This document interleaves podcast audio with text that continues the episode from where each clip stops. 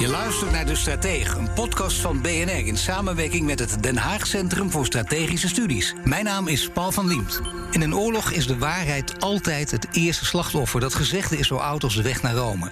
Maar het wordt wel steeds relevanter. Nu oorlogen op steeds meer domeinen worden uitgevonden, wordt informatie een steeds machtiger wapen. Daarover sprak ik vorige week in de Stratege met Hans Fransen, strategisch communicatieofficier bij het Duits-Nederlands hoofdkwartier, en met CDA Tweede Kamerlid Dirk Boswijk het hele digitale um, domein is toch wel een soort nieuw. Dan kan je zeggen van joh, daar mag Defensie zich helemaal niet mee bezighouden. Dat timmer helemaal dicht. Ik denk dat dat naïef is. Ik denk dat we de krijgsmacht juist ook in staat moeten stellen om, um, om daar te opereren. Um, en ik vind dat zelf, ja goed, er zijn dingen fout gegaan, maar ik vind zelf dat we die, van die fouten moeten leren. En ik vind het afrekenen daarop vind ik heel erg kortzichtig. Nee, je moet zelfs het draagvlak zien te vergroten. Zeker in deze tijd, dat merk je ook. En dat, dat, is, dat lijkt ook te gebeuren. Maar hoe kun je dat doen? Of moet je als politicus daar gewoon verre van blijven? Nee, ik denk dat wat we dan moeten doen, en dat, daar kan de krijgsmacht zelf ook een rol in, in, in spelen, denk ik, is gewoon de dilemma's schetsen welke vormen van dreigingen wij hebben. Welke manieren andere landen gebruiken om ons te beïnvloeden dus eh, Rusland, maar ook China uh, of commerciële bedrijven. Um, en dat wij onze krijgsmacht in staat moeten stellen om zijn uh, of haar bevolking daartegen te beschermen. Um, en dat je ook moet kijken naar je wetgeving en ook soms naar je privacywetgeving, of dat die nog wel voldoet aan de dreigingen en, en het nieuwe domein waar we nu mee te maken hebben. En ik denk eerlijk gezegd, als je nu kijkt naar de dreigingen vanuit, vanuit Rusland, dat het dan heel naïef is om te zeggen van joh, uh, onder het mom van privacy moeten we uh, de krijgsmacht maar helemaal uitsluiten daarvan. Ik denk eerlijk gezegd dat we echt moeten gaan blijven kijken naar de mogelijkheden. En dat we echt dat veiligheid toch iets zwaarder moet gaan wegen daarin. Wil je deze aflevering terugluisteren? Zoek hem op in je favoriete podcast-app en abonneer je meteen. Dirk Boswijk en Hans Fransen die zijn nu ook mijn gasten, want we gaan luisteraarsvragen beantwoorden. Ja, hoe weten we of informatie betrouwbaar is, nu beide zijden enorm veel onjuiste informatie, dus propaganda verspreiden? Neem een voorbeeld aan de Ghost of Kiev, die achteraf niet bleek te bestaan. Nou, Dirk Boswijk, dat is een van de vragen die een paar keer is binnengekomen bij verschillende mensen. Wat is het antwoord?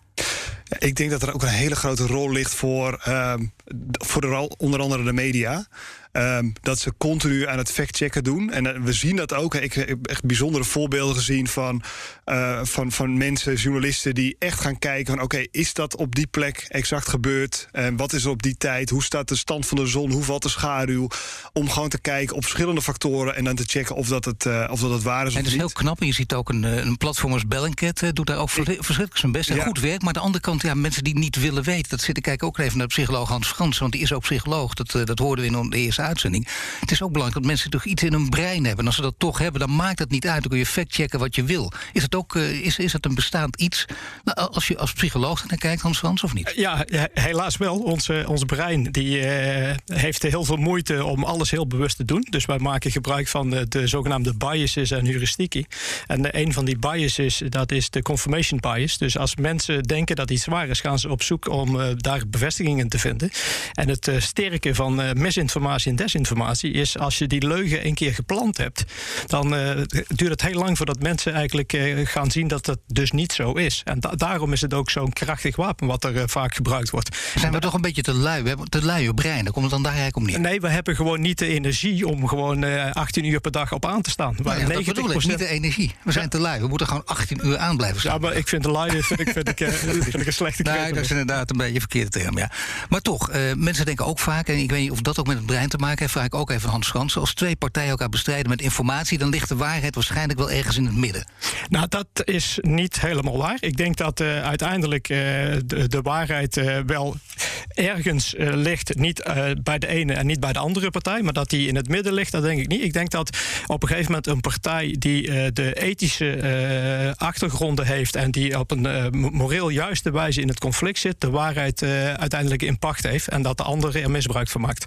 In ons interview ging het ook over wanneer verkeer nu wel of niet in een oorlog. En daar kwamen ook vragen over binnen. En die vraagt die luidt, die is, ik begin met Dirk Boswijk. We spreken vaak sprake van dat je deelnemer bent aan een oorlog als je een gebied intrekt. Maar ben je tegenwoordig ook niet een deelnemer als je wapens levert? Dus ook weapons of mass influence. Kortom, zijn we al in oorlog tegen Rusland en Oekraïne als je er zo naar kijkt? Um, nee, wij zijn op dit moment niet in oorlog met, met Rusland. Um, dat jij wapens levert aan een van de partijen wil niet zeggen dat je meteen in oorlog bent. Dat, dat zien we in ieder geval in de geschiedenis ook. Hè. De Verenigde Staten hebben voordat ze echt officieel in de oorlog zaten, ook al eerder aan Groot-Brittannië ook al uh, materieel geleverd. Um, dus ik, ik, ik ben daar niet zo, uh, niet zo bang voor. Maar ik ben wel, waar ik wel wel benieuwd naar ben wanneer ga je die grens over in het, in het virtuele domein? Hè? Wanneer andere partijen bij ons gaan beïnvloeden, zijn we dan in oorlog? Ik, ik hoop en ik denk het van niet. Maar ja, ik, heel eerlijk gezegd, ik weet niet precies waar die grens ligt. Nee, dat is dat, dat een hele lastige, want dat weet ik ook niet. Hè. Gelukkig weet uh, Hans Fransen weet dat wel. Hè. Nou, Hans Fransen kan in ieder geval met zekerheid zeggen dat de, de geleerden het daar nog niet over eens zijn. Oh, zeker, ja. als, je, oh, ja. zeker als we het over cyber hebben. Uh, het cyberdomein, daar speelt dat heel erg. En er zijn nu wat die zeggen dat als de schade van een dusdanige aard is dat het vergeleken kan worden met een fysieke uh, aanval, dat we dan inderdaad ook een artikel 5 zouden kunnen afkondigen.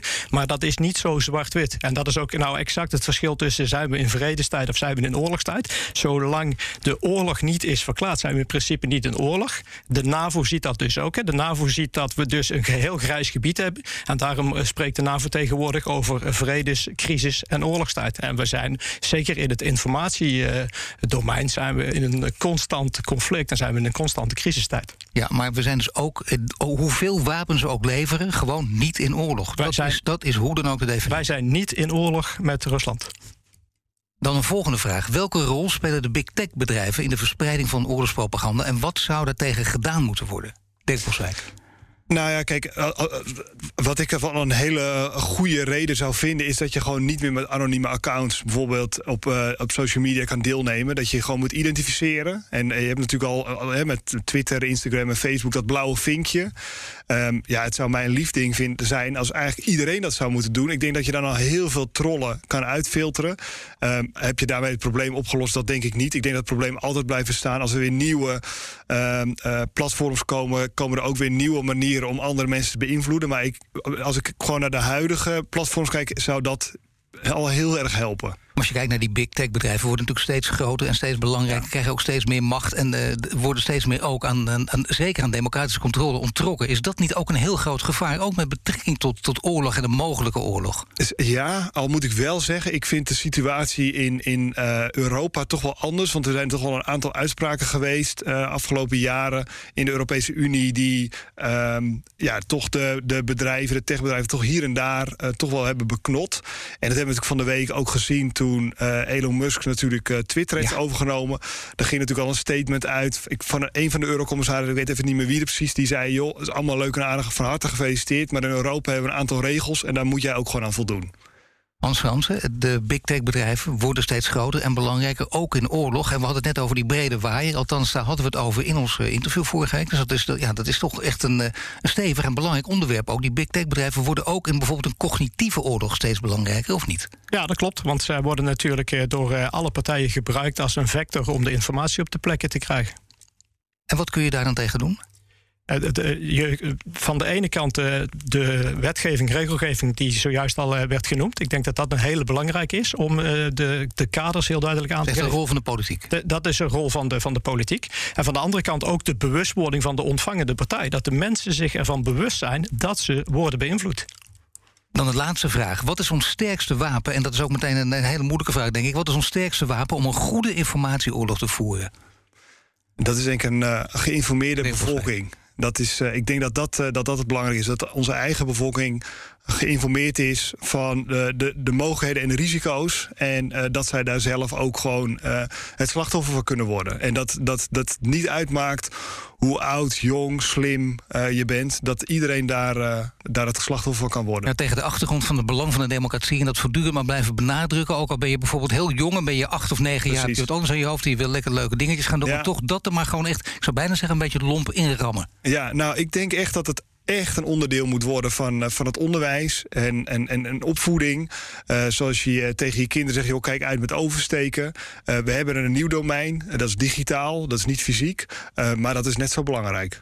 Dan probeer ik het nog één keer. Dat deed ik ook in het interview bij Hans Frans. Als het gaat over het sterkste wapen, ons sterkste wapen, om een goede informatieoorlog te voeren, dan is het dus per definitie nooit de misleiding die de vijand hanteert. Dat moeten wij, wij moeten ons daar niet toe verlagen. Daar komt het op neer. Wij moeten ons niet verlagen eh, tot het eh, verspreiden van eh, desinformatie. Daar, eh, daar sta ik nog steeds helemaal achter. Ja, maar wat dan wel? Dan is het echt alleen maar onderwijs. Ik bedoel, dat, dat is. Nee, nee, nee. nee. Ik, eh, ik denk dat je twee kanten moet kijken. Je, de verdediging is, is, is een goede resilience. Hè? Dus een geïnformeerde bevolking die weet wat er met hun kan gebeuren. Als je het hebt over, eh, dan zal ik dat dan de aanval dat noemen. voldoende veerkracht. Ja, voldoende veerkracht. Eh, maar als ik dan de, de andere kant op, hè, om te, eh, de tegenstander te beïnvloeden, dan is het heel erg belangrijk dat je een eh, gedegen kennis hebt van die tegenstander. Hè. Dus dat je kunt kijken vanuit het perspectief van de tegenstander. Dan kun je namelijk ook kijken naar wat zijn de bronnen waar hij zijn informatie vandaan haalt. Wat resoneert er bij die tegenstander? En dan zou je dat in kunnen zetten om de tegenstander te informeren en te beïnvloeden. En daarbij ook wel bedenken dat je misschien met een tegenstander te maken hebt die een andere logica hanteert dan jij zelf eh, gewend bent.